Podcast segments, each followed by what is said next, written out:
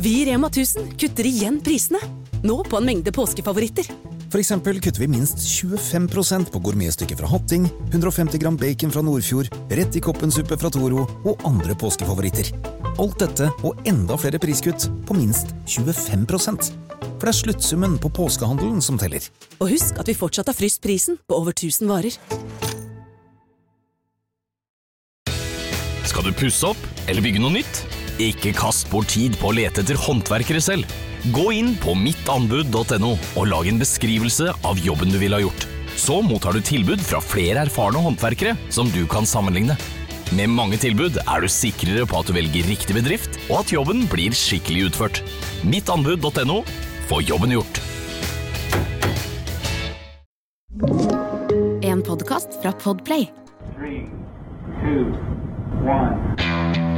When liftoff. One, two, three, four, five, five, four, three, two, one. Enter bed.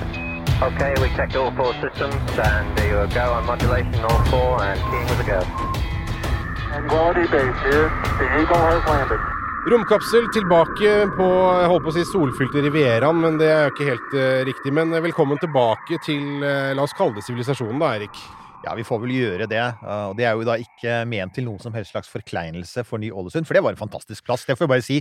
Tusen takk til Kartverket for at vi ble invitert. For en opplevelse. For en opplevelse. Helt enestående. Jeg var forberedt på å ikke like det. Jeg tror egentlig jeg er ganske, ganske tydelig uttrykk for at jeg egentlig foretrekker varmere regioner. Gjeveg var i et varmere land. Jeg liker den delen av mellom Bakkar og berg.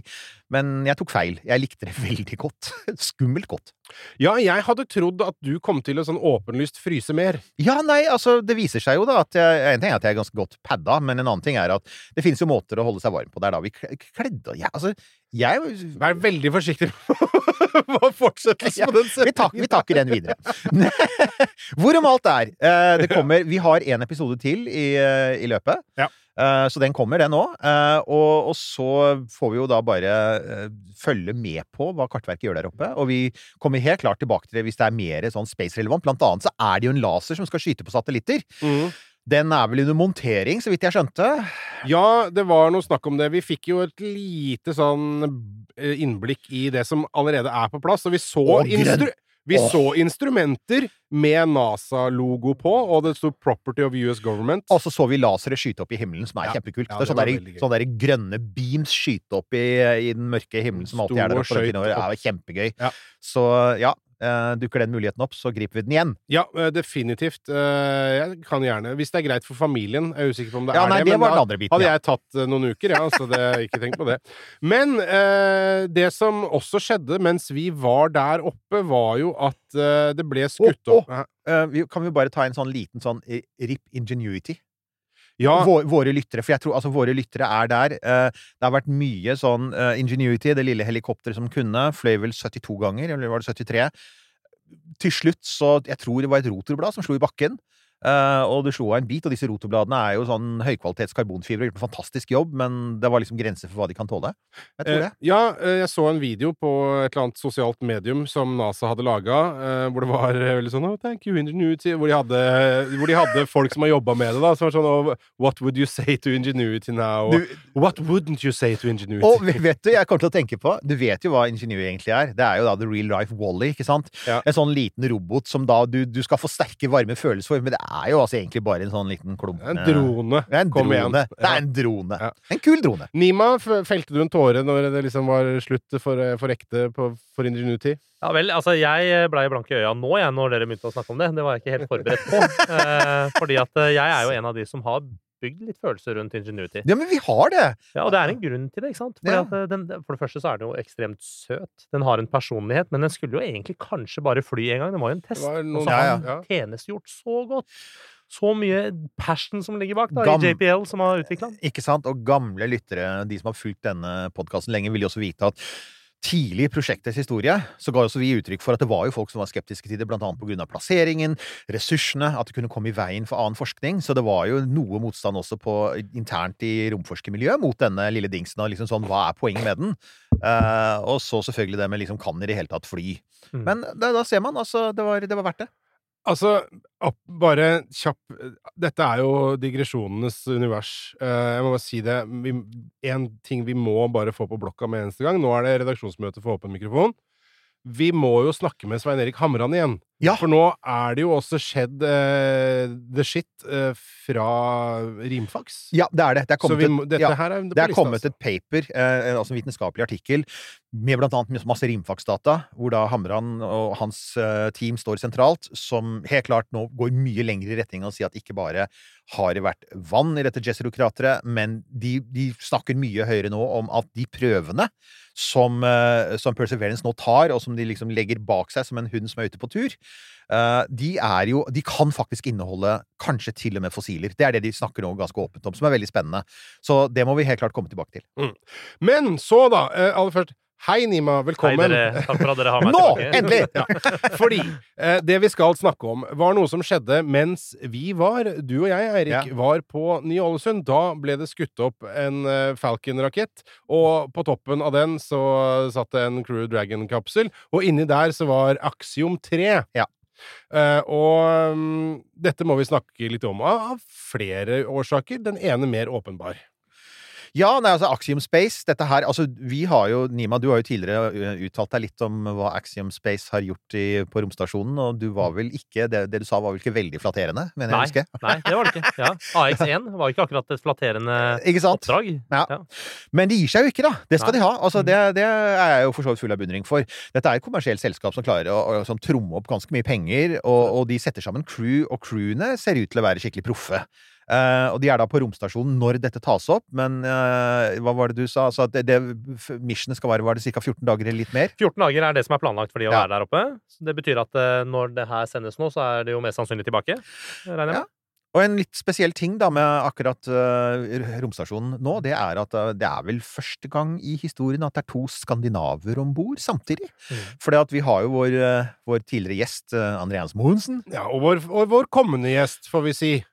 Ja! For det, uansett hva vi- du måtte mene om det vi skal snakke om etter hvert her, så, så skal vi jobbe for å, å få en liten prat med Markus. Ja, ikke sant? Så er det altså da Markus vant, som jo vant over Han eh, vant den loddtrekninga der, han! Ja, og han vant jo også i ESAs eh, astronautopptak. Altså, du slo gode norske kandidater, hvorav vi har snakket med opptil flere. Mm, Ja. Så det Ja, han er, vant ganske mye. Han vant jo også det at han er født i et land eh, som Sverige, som valgte å være såpass foroverlente og realisere dette prosjektet. ikke sant? Så han er en vinner, ikke bare i Ja, det er interessant å si. For at det, vet du noe om det? For at det som slo meg, var Jo, jo, altså eh, For var Markus eh, førstekandidat eller backup-kandidat på ESA sin? Markus var en av de elleve backup-kandidatene. Nemlig! Altså backup-astronaut. Og så har han gått foran i køen. Eh, Ja. Og hvordan var det egentlig det skjedde? Altså, Hva var, var liksom bakgrunnen? For at jeg så det, så tenkte jeg Men vent litt, er ikke han en backup-kandidat? Hvordan rykker han plutselig foran alle de andre? Nei, men, og det, det her er veldig veldig interessant, fordi det her symboliserer så sterkt hva som egentlig foregår i ESA, eh, hva som foregår i politikken og astronautopptakene. ikke sant? For det som skjer nå, er at ESA selekterte fem det de kaller for karriereastronaut, career astronauts, fem fantastiske individer. Vi burde hatt en norsk astronaut i det. Vi hadde jo kandidater som, som var ja. langt der oppe. Det har vi snakka om før. Eh, og så selekterte de også elleve backup-kandidater for første gang, og derav også én eh, paraastronaut, eh, som er da John med, med protese fra kne og ned. Ja. Blant de backupene, det som er veldig spennende nå, er at vi vet jo ikke når disse karriereastronautene får flydd. Noen spekulerer i om det ikke er før 2030 og bortover. Kanskje ingen av de får flydd på romstasjonen i det hele tatt. Mm. Det er jo Artemis-generasjon. Mhm. Mens av backupene så har da deres respektive nasjoner, Sverige og Polen, eh, er de to som har kommet fram nå og sagt, veit du hva, vi har backup-astronauter. Det betyr at de er kvalifisert til å være astronauter. Vi tar regninga sjøl, og så flyr vi de selv. Så det viser seg jo Ja, ikke sant? I dette Ja, dette tilfellet kom- Ja, at, altså, bare for ja, Jeg avbryter her, men um, fordi at de, altså, Markus vant Det er jo en kommersiell ferd, Ja, så, så det må jo betales for plassen, var Det poenget mitt. ikke sant? Så det er den svenske staten som har, eh, som har betalt eh, hans sete i Axiom-systemet? Ja. Det er den svenske staten sammen med svenske næringslivet. Jeg vet også at svenske forsvaret. Så det er jo en sånn trilateral avtale mellom disse, disse instansene som har gått sammen, men det er svenske romsentre som har initiert og gått ut i næringslivet og sagt folkens Vilje! Blant annet Saab, da, som, som Andreas flyr Nei, Andreas, jeg beklager, som Markus flyr for, Ja. som testpilot, eh, har vært med å finansiere dette her. Men det er et initiativ som den svenske staten har gjort. Det de sa, er OK, vi har en superbra astronautkandidat i backup-crewet, så det viser seg at det å bli backup og ikke karriereastronaut var mer lønnsomt Ja. enn å bli backup. Ja, det, det, er litt sånn, som, det er litt som den som kommer som nummer to i Idol! Som får bedre karriere enn får den store platekontrakten. Ja, ja, absolutt. ja, det er det, altså jeg tror aldri vi har gjort i eh, denne podkasten noensinne, men nå har jeg, føler jeg liksom for å ta den der sportsfrien og si Hva føler du nå? For er ikke det det dere har jobbet for? Å få stat og næringsliv på banen for å få en, for å få en nordmann opp i rommet? Jo, vi har, vi har veldig mange følelser rundt dette her. Vi har kjempa med nebb og klør, det kommer vi til å fortsette med. Vi har jobba ekstremt hardt, vi har investert veldig veldig mye. Tid, ressurser, Ja. penger, altså you name it. Og det er et, akkurat nå så er jo vi et team på 22 mennesker som jobber beinhardt for å realisere I Nova dette. Space, ikke sant? I Nova Space. Ja. Men samtidig så er vi også veldig glad for at det som har skjedd, har skjedd. Det er klart, det åpner jo mange diskusjoner. Er Markus norsk, eller er han svensk, eller er han begge deler? Altså, det- den diskusjonen ja. kommer vi vel inn på, Ja, ja, på snart, tenker jeg. Men, men, men før vi går inn på den diskusjonen, så må det sies at for vår del så viser det jo Altså, vi får en benchmark, noen vi kan lære av. og Heldigvis er den vi lærer av, ikke så veldig eksotisk. Det er nabolandet vårt. Det er Sverige. De er ganske like oss. Ja, og så er, er det jo ikke en sånn altså Dette er som vi var inne på, en ganske kort ferd. Og det er en ferd med Altså, um, eh, Markus har et prosjekt som heter Munin, og som skal da matche prosjektet Hugin. Og igjen, alle som Ja. fulgte med på skolen. Hugin i Munin, Ravnet til Odin og alt det der. Mm -hmm. og det er da Andreas Mogensen som har Hugin. Så ja, det er denne skandinaviske Det synes, som jeg, som jeg syns er interessant. Altså, de markerer seg veldig tydelig som skandinaver, ved at de tar skandinavisk mytologi. Og så er det da Og Hugin, som eh, Andreas holder på med, er et kjempeprosjekt, for Andreas har vel vært der siden sommeren og skal være der lenge til. Så Og han- være commander på Og- ISS. ikke sant? Så han har en stor rolle. det er altså over 30 ESA-eksperimenter. Det er klima, helse, Space for Earth, massevis av alle disse tingene som er viktige, og som man gjør Ja, på Mens altså uh, Markus skal bare være der i 14 dager. Ja. Og jeg kan jo ikke skjønne annet enn at når du liksom kommer opp med en kommersiell ferd på den måten, og kommer inn i ISS, så, så har du vel også ganske sånn begrensa muligheter for liksom å få tilgang til stæsj, da. Absolutt. Så, så for at jeg leste hva ESA sier om Munin-prosjektet til Markus, og det er eh, vise hvordan fast track, eh, kortvarige missions, kan skape bra vitenskap, outreach, altså Mm. formidling, og, og undervisning for et bedre liv på jorden. Og jeg bare tenkte hm, høres nesten ut som en deodorantreklame, egentlig, ikke sant? Ja, ja, ja. men, men det er godt du sier det, fordi um, Og, og med all respekt til ESA, jeg tror nok ESA blei eh, rimelig tatt på senga da disse tingene her begynte å skje. Da, da, da Polen signerte en kontrakt med Axiom Space som skal sendes inn enten seinere i år, samme, samme Ah. som svenskene gjorde nå, og det er også en reservekandidat, jeg husker ikke hva han heter nå, eh, og det, det de gjorde med, med Markus. Og det kommer til å være flere. Ungarn fikk ikke noen astronauter inn i ESA-seleksjonen denne gangen, men Ungarn har valgt å etablere, selv om de er ESA-medlemmer, så har de lagd det de kaller for uh, det ungarske altså Hung, First Hungarian in Orbit, eller et eller annet. Men så by the way, vi kan jo bare si det. altså Axium har da De har fire uh, mannskap, altså fire mannskapet. Mm. Det er da Sverige, uh, det er eh, USA slash Spania. Ja. Det er Tyrkia og Italia, så da antar jeg at Tyrkia, har Tyrkia og Italia liksom gått samme veien. at det er jo blitt påpekt her at dette her er jo da eh, bortsett fra han amerikaneren med dobbelt statsborgerskap, så er dette her et relativt europeisk, eller slash litt avhengig av hva du mener om Tyrkia, men det er i hvert fall et så, er sånn veldig lite amerikansk mannskap. Absolutt. Så har, eh, vet, vet du noe om Tyrkia og Italia har gått noe av den samme veien, eller? For at Ja, det har de jo. Altså, Italia er jo en historie for seg sjøl. For Italia har jo en, en tung tilstedeværelse i ESA-systemet med astronauter. ikke sant? De har jo både eh, Samantha og Luca Ja. i forrige Altså i 2008-2009-klassen, som fortsatt er aktive astronauter. Ja. Fantastiske mennesker. Eh, I tillegg så har Italia en sånn romfartstradisjon som er ganske sterk. Mm. Vi har det, vi òg, men vi, vi, vi eh, dyrker det ikke like mye som det italienerne gjør, føler jeg, da.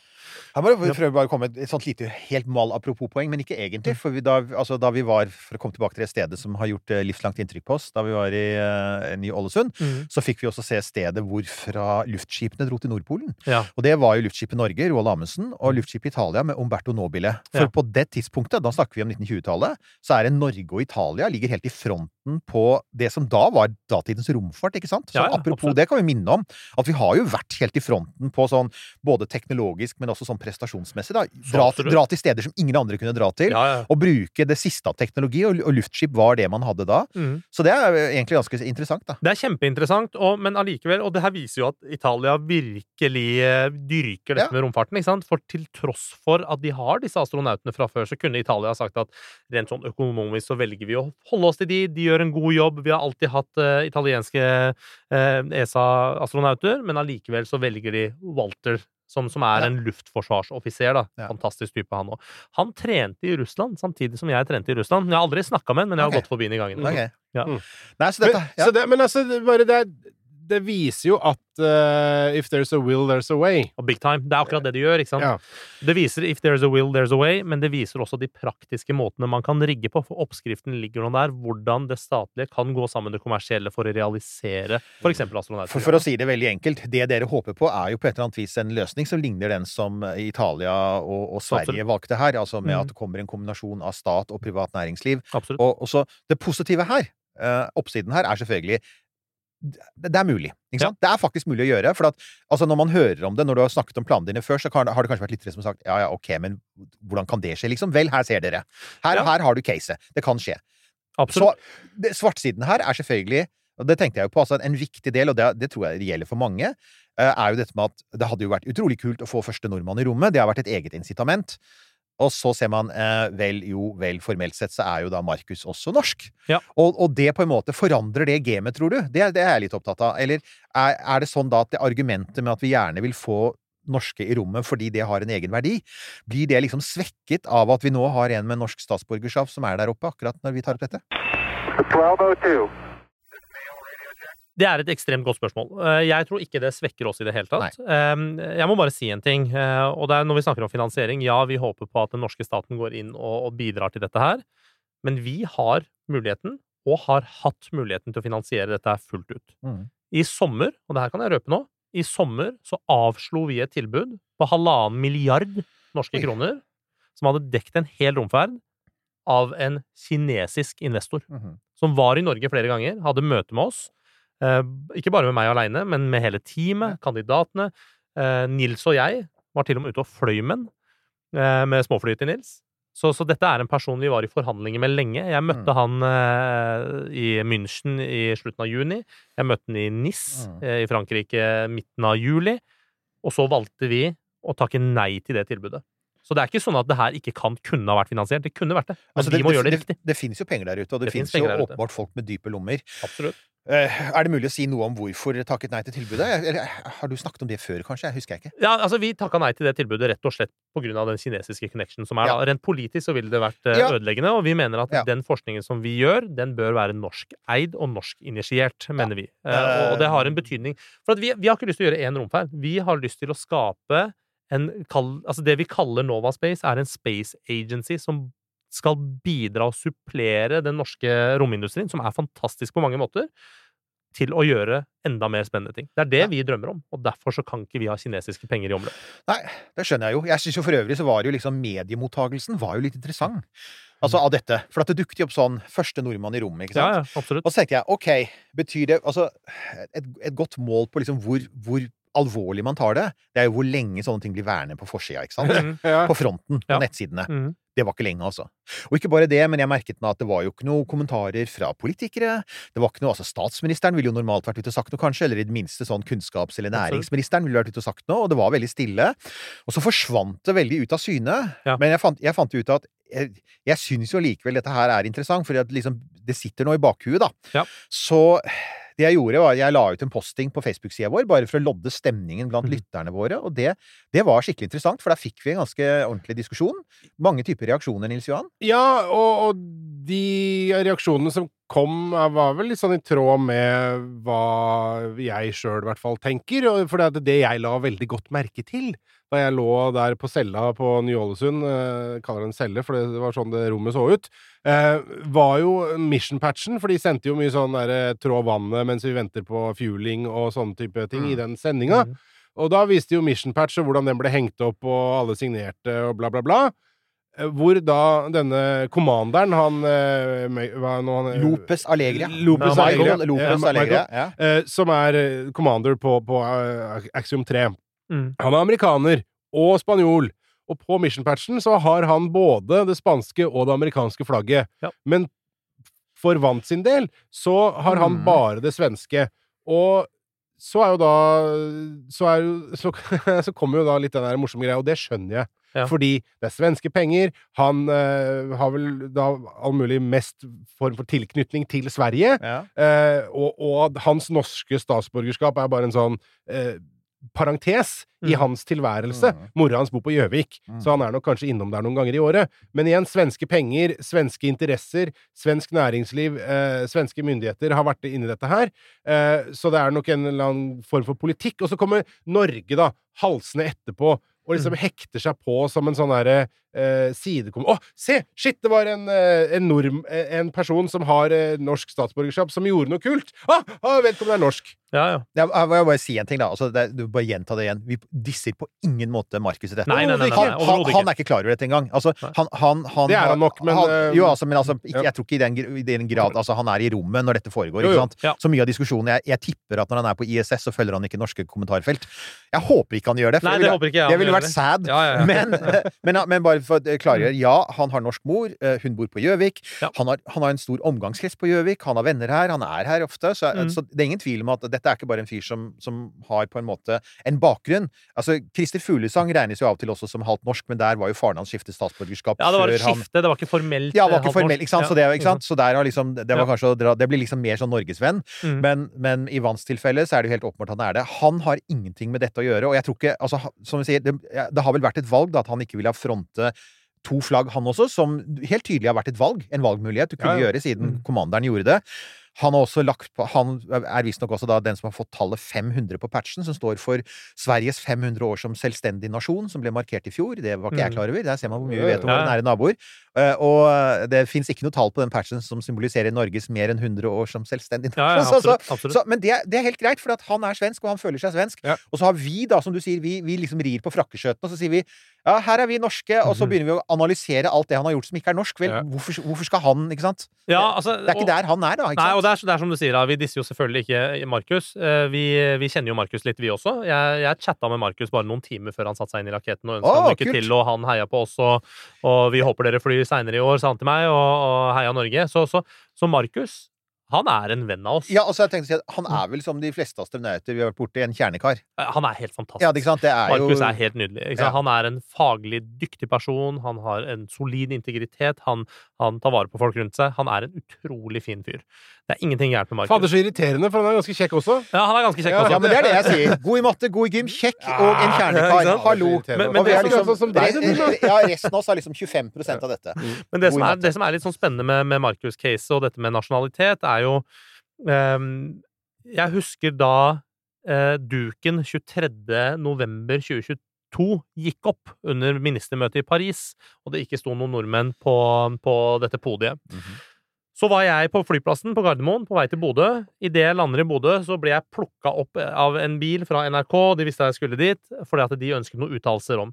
Da var det uttalelser om hva vi tenker om at det ikke kom inn noen nordmenn. Og vi lagde også en episode her i Romkapsel om Ja. dette her, ikke sant? Ja, det gjorde de. Da var det ingen, ingen norske myndigheter som gikk ut og sa ja, men vi fikk jo Markus. Ja, men vi har jo en nordmann. Nemlig. Det var ingen som kommenterte det da. Nei. Og plutselig, når han skal fly, så er det. Så da er spørsmålet hva slags effekt har det? Jeg tror det har en enorm positiv effekt. Vi kan lære av det. Vi kan lære av hva svenskene gjorde. Men Markus reiser ikke med norske flagget. Nei. Og de postene han legger ut på, på sine sosiale medier, som er ganske viktige poster, der er det det danske og det svenske flagget som representeres på ISS. Ja. Og jeg tror ikke det er der inspirasjonen for norske kids ligger. Jeg tror man trenger å se flagget. Og Nei, det er sant. Ja, Ja. og da altså, og Min analyse er som følger, og det er liksom i tråd med tanken din. Altså, vi takker nei til de kinesiske pengene som hadde kjent, sendt oss i, Ja. i, opp til verdensrommet. Men det er noe med at hvis vi skal flagge for det, og hvis vi skal heie på det på, på ordentlig Ja. Uh, og igjen med forbehold vi, vi, vi har ikke noe vondt å si om, uh, om vant, men det er bare den debatten rundt det. Mm. Uh, og for vi, skal vi heie på det på ordentlig, så må det være norsk innsats. Ikke sant? Det må være, Ja. Det må være norsk stakes. Det må Det være, må være en norsk astronaut. Ja, og det må Ja. være liksom Det må være deg og, og dine folk. Mm. Som, som har gjort en innsats, og som hele tida har, har vært Og som er tydelige, da. Det, Eh, og ja. det blir det ikke når det kommer den der som er så typisk norsk. ikke sant? Det Ja. der å, å hive seg på etterpå. Og, og, og feire litt sånn 'Å ja, det er gøy'. For det vi liker jo Den norske Altså, folkesjela liker jo sånne ting. og vi har, vi har som nasjonen hatt ganske mye flaks. Altså, Eh, ja. altså at, at, at, oljen i Nordsjøen er flaks. Altså, vi, har, vi, har, vi har brukt den smart, men det er flaks at den ligger der. ikke sant? Altså, så vi har, vi har vært heldige med ressurser, vi har vært heldige med vannkraft vi har vært heldige, sant? Det er mange sånne ting som Så det er litt der også. Vi er, altså, altså, Australierne pleier jo å kalle landet sitt for the lucky country. Jeg har Mm. alltid sagt, og, og faren min er helt enig i, at Norge er jo the lucky country. Ja. Ja, Eh, ja. Dette her er interessant, fordi om eh, bare eh, noen uker så skal vi ha en gjest som vi har jobba ganske lenge for å eh, få i studio, eh, og da må vi snakke litt om det. Eh, nå igjen, nå er det redaksjonsmøte for Åpen mikrofon. Eh, vi jobba i et par år sånn fram og tilbake med sånn PA-meldinger med Anders Opedal. Eh, som kommer eh, etter alle solmerker nå som i, i kapselen. Og det blir litt Han er jo personlig space nerd og har tatt med familien sin på eh, ferie til Florida, for tilfeldigvis så var det en rakettoppskyting akkurat da.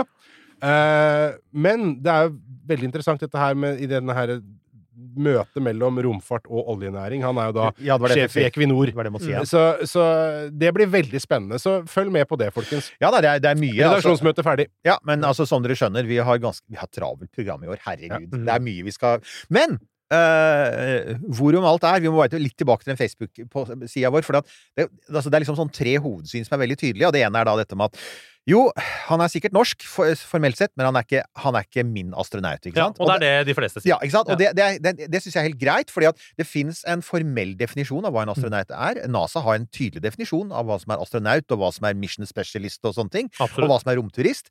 Så fins det en emosjonell, en sånn folkelig definisjon av hva en astronaut er. Mm. Og den er helt grei. Jeg er helt enig. Han er ikke, han er ikke, han er ikke, han, er ikke liksom min astronaut. Det er helt greit. Jeg har for øvrig ikke et veldig sterkt syn på dette. Jeg syns bare det er interessant, jeg. Ja, ja. For at jeg men, synes- men jeg det samme med oss, vet du. Ja, ikke sant? Ja. Flyter litt, dette her. Det andre er de som er sånn formalistiske. Jeg, mulig det er noen sånne der jurister der ute, litt, litt sånn advokat i magen, som sier norsk statsborger. Ingen tvil, han er første nordmann i rommet, og han er også første norske astronaut. Og den tredje er den jo, han er første nordmann i rommet, men han er en svensk astronaut, for at Ja. det er ikke norsk innsats. Og der føler jeg at mange av oss lander.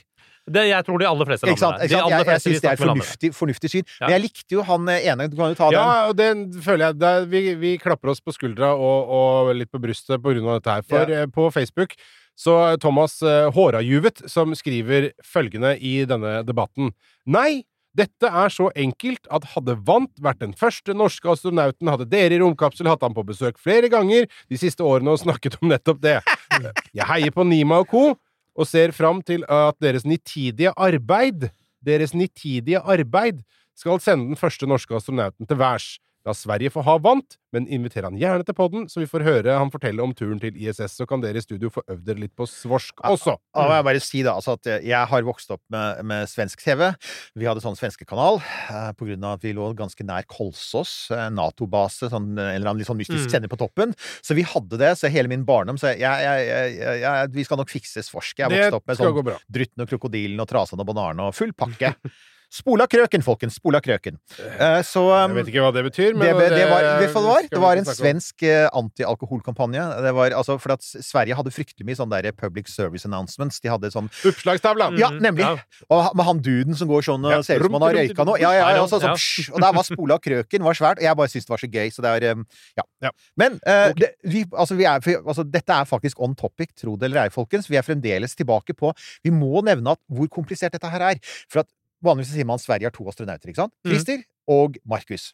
Men så går man litt inn i så går man inn på lista, og så ser man Vel, ikke egentlig, for du har også Jessica. Ja, Jessica Meir Ja. NASA. Ja. Og hun er jo NASA-astronaut, og hun fløy til romstasjonen med Soyuz MS-15 i 2019. Faren er opprinnelig fra Israel, vil si opprinnelig fra Irak. Han er irakisk jøde, israelsk statsborgerskap. Mm. Moren har svensk statsborgerskap.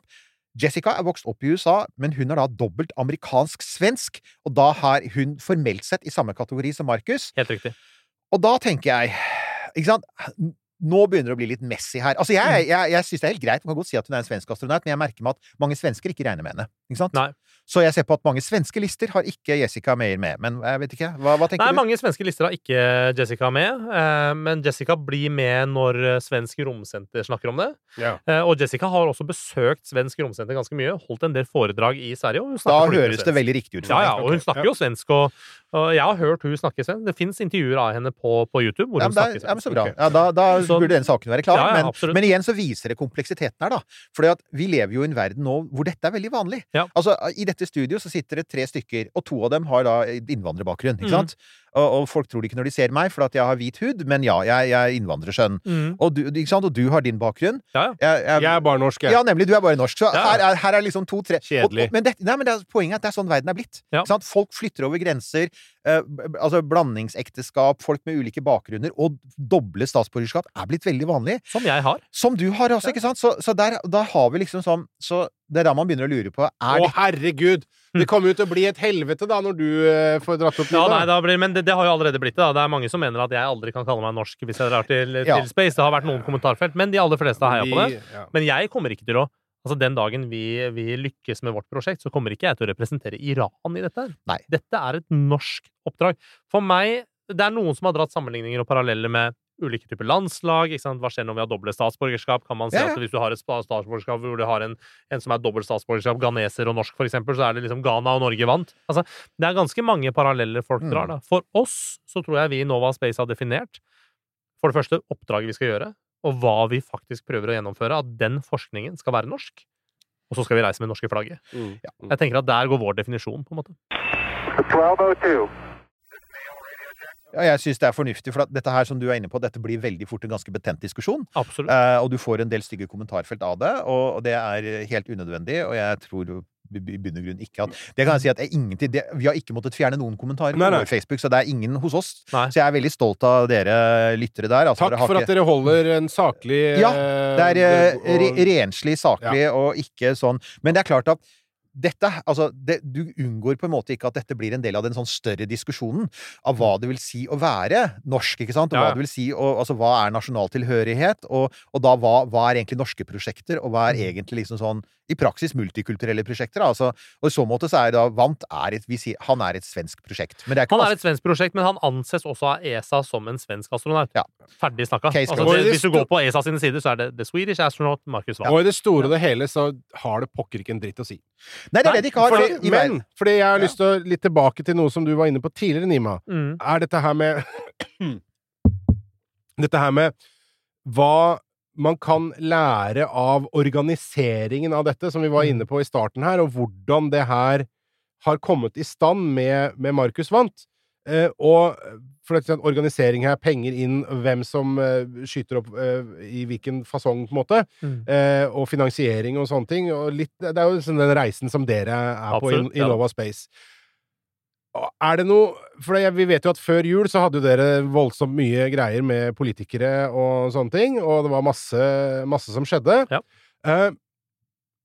Er det noe bevegelse, har du merka det, i de kretsene etter at man på en måte har skjønt hvordan Andreas Wandt har kommet seg til ISS?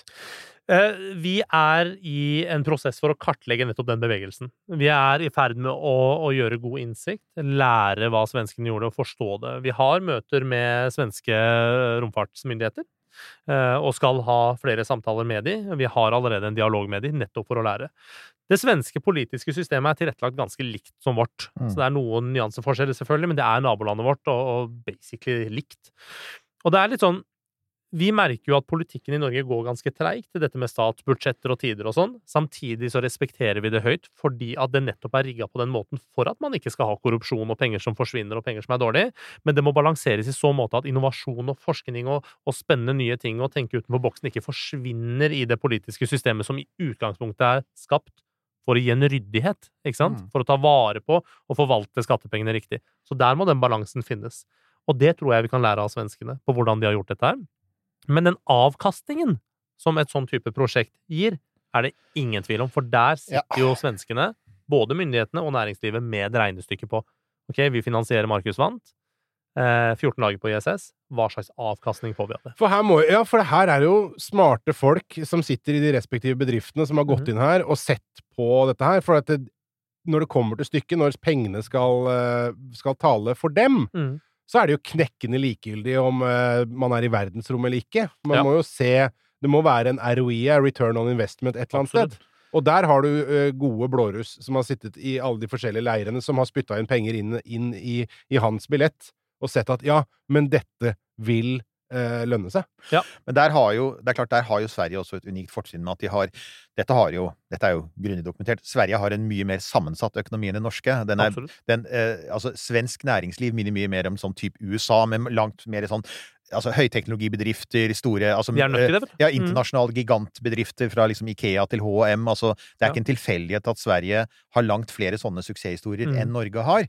Og det preger oss sterkt. Dette, har jo, dette er jo en gammel diskusjon. Ja, ja. Eh, at, at jo, vi, har, eh, vi har, tjener masse penger, det er ikke det, men vi har et ganske ensidig næringsliv med noen få bransjer som er veldig dominerende. Mm. Og vi er gode på innovasjon innenfor de. Problemet er at innovasjon innenfor fiskeri og olje er ganske snevert og har relativt liten overføringsverdi sammenlignet med f.eks. av mer generelle high-tech-bedrifter, altså flyprodusenter og bilprodusenter og sånne ting. Mm. Og dette har vært, det er masse diskusjoner rundt det. Men da ser du jo men, ikke sant, Da er det et veldig viktig poeng som eh, Og plutselig så ble det igjen en sånn økonomi- og gründer på podkast. Jo, jo, men så ser, men så ser du, så ser du jo raten på altså startups og innovasjonsbedrifter i Norge.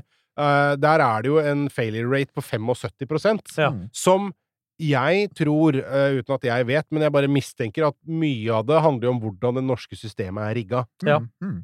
Ja, mye av det handler om hvordan det norske systemet er rigga, men vi må nå komme dit, ikke sant, hvor Mm. Norge også begynner å skape de typer bedrifter. Da.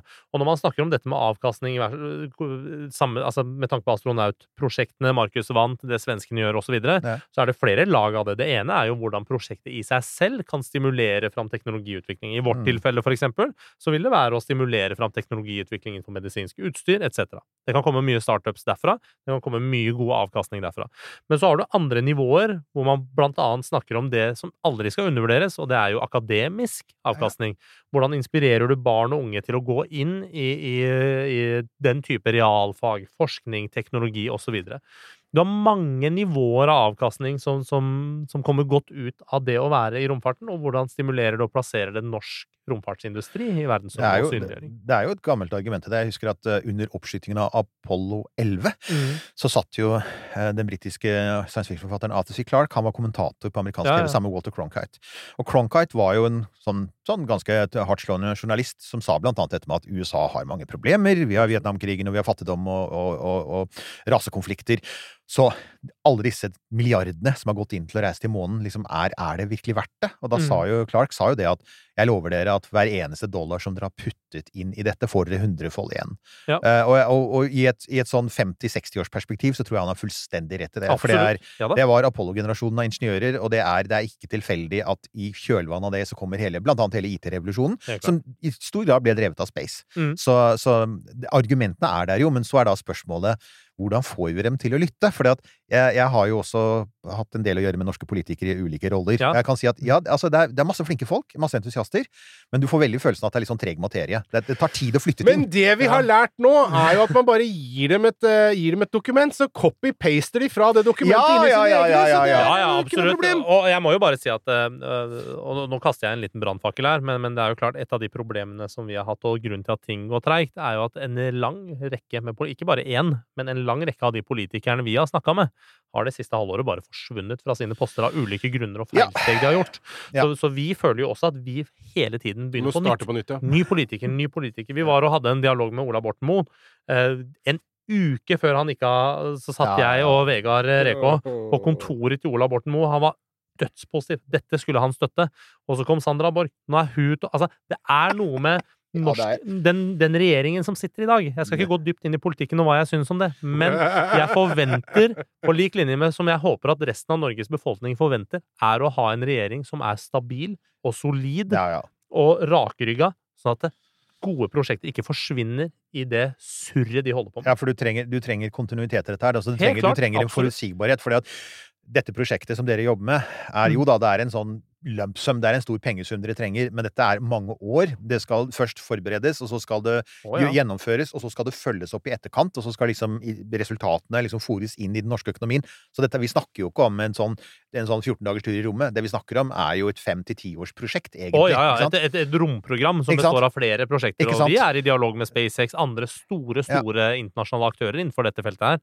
Så, så vi, vi planlegger et romprogram som, som er langt forbi én oppskyting. Det gjør vi jo. Og én regjering. Og én regjering. Ja. Ja. Nei, men altså, eh, altså Når vi da først har det her, da, så jeg tenker også sånn hvordan er det ellers med altså, hvordan, hvordan går det ellers med Nova Space? Har, er det noe du ikke har nevnt her nå, som du kan snakke om? Eh, ja, det, jeg, jeg kan snakke om alt. Ja, for, at, vi ser at du sitter og sender eh, beskjeder her. Det skjer mye. Ja da, nei, jeg har uh, sittet litt på mail mens vi har sittet og snakka her. Uh, måtte bare få av gårde noen mailer. Det er veldig mye som skjer i Nova Space. Det, Nova Space har jo nå lansert nytt navn, som heter Nova Space. Vi, vi er 22 dedikerte mennesker som jobber i dette Kul her. logo. Har vi rukket å si det? Men det er en kul logo. Det er en logo som betyr veldig mye for oss. Ja. Den, er, den er veldig enkel. Eh, eh, den er designa av Bold Oslo, Mhm. som, som er et fantastisk grafisk designbrand. Du tatoverte den et eller annet sted, Ja, tatoverte den på armen. Der. Der er den! Ja. Så jeg har logoen på armen, men i den simplistiske designet så, så er det mange historier som resonnerer med oss. Eh, og så har vi nå Vi er 22 mennesker som jobber dedikert for å få til dette her. Og vi har, vi, vi har begynt å definere oss selv som et space agency. Det har vi også sagt før. Men så har vi tre hovedbrancher, altså tre hovedpilarer som vi, som vi jobber med. Det ene er eh, vitenskap. Eh, Det andre er eh, altså medisinsk vitenskap og annen type science. Det andre er eh, teknologiutvikling og innovasjon. Det tredje er formidling. Det er de hovedpilarene. Mm. Og innenfor der så har vi jo flere prosjekter. Da. Så det bemannede romfartsprosjektet, eh, det går inn under vitenskap, for vi skal gjøre sansforskninger med Terje og Nils og, og så videre.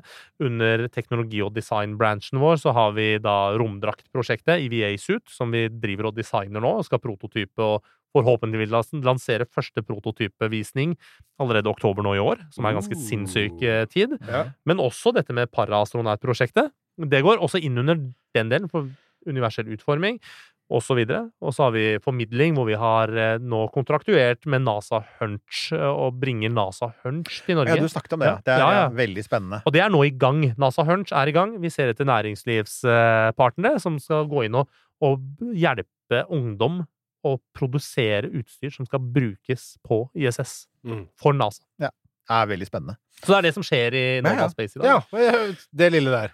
Jo, jo, nei, men altså, det er jo eh, Og særlig som sier med å engasjere Altså engasjere unger til å faktisk lage konkrete ting. Absolutt. Du har jo, jeg vet jo, I Storbritannia blant annet så har du et prosjekt som heter AstroPie. Du har Ja, disse jeg kjenner smådatamaskinene Raspberry Pi, som jeg mm. selvfølgelig eier sånn som fem av. Ja, ja, jeg har skuffene fulle av dem. De er veldig Ja. fine. Og, der, der brukte man jo da engelske skoler til å programmere og lage instrumenter som skulle opp og, og brukes på, på ISS. Så Ja, det, er, det er masse man kan gjøre her. Det er helt fantastisk. De, de får faktisk oppdrag fra NASA, norsk ungdom eh, som skal være med å lage ting for NASA, på alle nivåer. Noen kommer til å lage rommat for astronautene, andre kommer til å lage litt mer avanserte verktøystativ. Det, det, det er ikke noen grenser, da. Så NASA Og Men det er jo allerede masse greier fra NASA Hunch på romstasjonen. 3000 artefakter flyr på, på romstasjonen, Ja, som er laget av NASA Hunch Ungdom. Ja, der ser du. Så, så det, det er jo det er vi veldig stolte av. Og så har vi veldig fokus på det med bandede romfartsprosjektet. Men så driver vi nå og kontraktuerer med et sant? Nå, nå må jeg kunne si at det er ikke alt jeg kan fortelle her. For det har blitt en fast saying. Du kan komme tilbake. Men det jeg kan si, er at vi er i dialog med en stor aktør.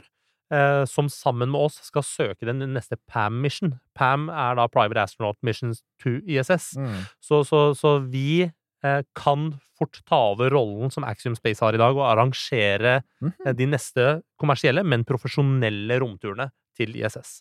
Det er noe som kan bli en realitet. Det finner vi ut innen en måned, om vi får den rollen. Som Ja. akkurat nå Axium nesten har monopol på. Oi, oi, oi. Dette her må vi jo komme tilbake til. Ja, ja. Dette ja, er Det er kjempespennende. mye spennende Ja. Kanskje vi er de som sender Markus på sin neste ferd. Det hadde jo vært noe nivå av oh, eh, ironi som. Ja, det, det hadde jo vært Jeg kan si så mye at vi snakker og har dialoger og forhandlinger konkret om det. mm, Så vi får se. Vi får se. Og jeg liker de der cliffhangerne dine, Nima. De pleier å være gode. Ja, du er, eh, du er en god forteller. Ja, Det er bra. Formidlinga skal du ikke ja på. Ja, formidlinga står det ikke på Er her. Um, ja, vi tenker Skal vi ta lande Ja, kapselen litt? Nå har vi jo, det er lenge siden vi har landa Vi lander vi- i, I vet ikke, Splashdown. Splashdown Ja, et det sted, blir henta en sånn eh, Njem. tråler. Eh, Ja. Og med, med, før liksom sånn alle disse her eh, hypergoliske stoffene Mm. har lekket Ja, vi fikk en video uh, her forrige dagen fra en lyhør uh, på Instagram uh, med bilder fra scener fra Kina. Med noen beter Ja. som lå oppi et hus, og det, det skøyt ut uh, hypergoliske Ja, det er gasser. liksom det, husplantene der jeg er Ja. ikke i god form etterpå. Nei. Jeg syns jo kanskje vi kan gå ut på noe av det beste som har vært sagt i forbindelse med hele AX3. Det var Scott Manley, Ja. youtuberen. For det var en diskusjon på X, Twitter, jeg fortsetter å kalle det Twitter, jeg, hvor det som er igjen av Space-Twitter De diskuterte jo blant annet dette her med nasjonaliteten og doble nasjonaliteter og Ja, ja. sånn, ikke sant? Og, Mm. Og, og, og Scott hadde sagt noe sånt noe som at ja, men dette er vel den første heleuropeiske ferden, og folk påpekte at vel, altså russere er europeere, og Interkosmos hadde haugevis av Ja, ja. østeuropeere og russere sammen, så det er jo ikke riktig. Men så landet han på følgende, og det her kan jo du eventuelt korrigere, eller dere i kommentarfeltet når vi legger det ut, og det er Scott Manley mener at dette er den første ferden som kun består av astronauter fra land som har vunnet Eurovision. Ja, det er et veldig godt poeng. Det er det! Men der kan jeg også kanskje, kanskje gi dere en fun fact. Jeg, ikke, jeg har ikke dobbeltsjekka det, men jeg tror at den dagen vi flyr, så blir vi et crew på fire norske astronauter. Jeg tror at utenom Sovjetunionen og Russland og USA, så blir vi det første landet som har et fullnasjonalt crew, tror Ja. jeg. Så jeg håper lytterne kan sjekke det. Å, vent litt. Det, det, du, altså, det, vi må bare ta den tanken før du går. Eh, for planen er altså å skyte opp fire eh, nordmenn i første, på første gang. Ja. Eh, men altså, vi har jo hele tiden snakket om hvem som blir først. Er det da den som har liksom nesa øverst på i, Når du ligger i Altså Det blir han, da. Altså, commanderen ja, som sitter fremst. det. Ja, ja. Ja, den som sitter fremst, Sitter og som, øverst, på som en krysser ja. Karman-grensen Ja, først. som, det som er, er at det, det blir jo Nils og jeg som blir sittende. Nils er jo pilot, ikke sant? Ja. Eh, Dragon-piloten. Og så er det jeg som er commander, så vi sitter jo på de øverste setene. Men forskjellen på Nils og meg da, er at Nils har en sånn pen norsk nese, mens jeg har en litt, litt stor sånn arabernese. Så jeg tror jeg blir først. Ja da! Så det blir en arabernese som får første Sorry, som det, det avgjør hvem som blir første i rommet. Det Vi går ut på det, gjør vi ikke det? Eh, det- Det blir, jeg ser fram til kommentarfeltet vårt, for jeg vet at dere alle sammen er anstendige og flinke og holder dere unna sånne stygge ting. Hysj nå. Det var bare humor, altså. Nei da, du vinner. Er vi ferdige nå? Ja. Hvis ikke ingen som har noe mer å si, Nei. da stopper vi. Du har hørt en podkast fra Podplay. En enklere måte å høre podkast på. Last ned appen Podplay, eller se podplay.no.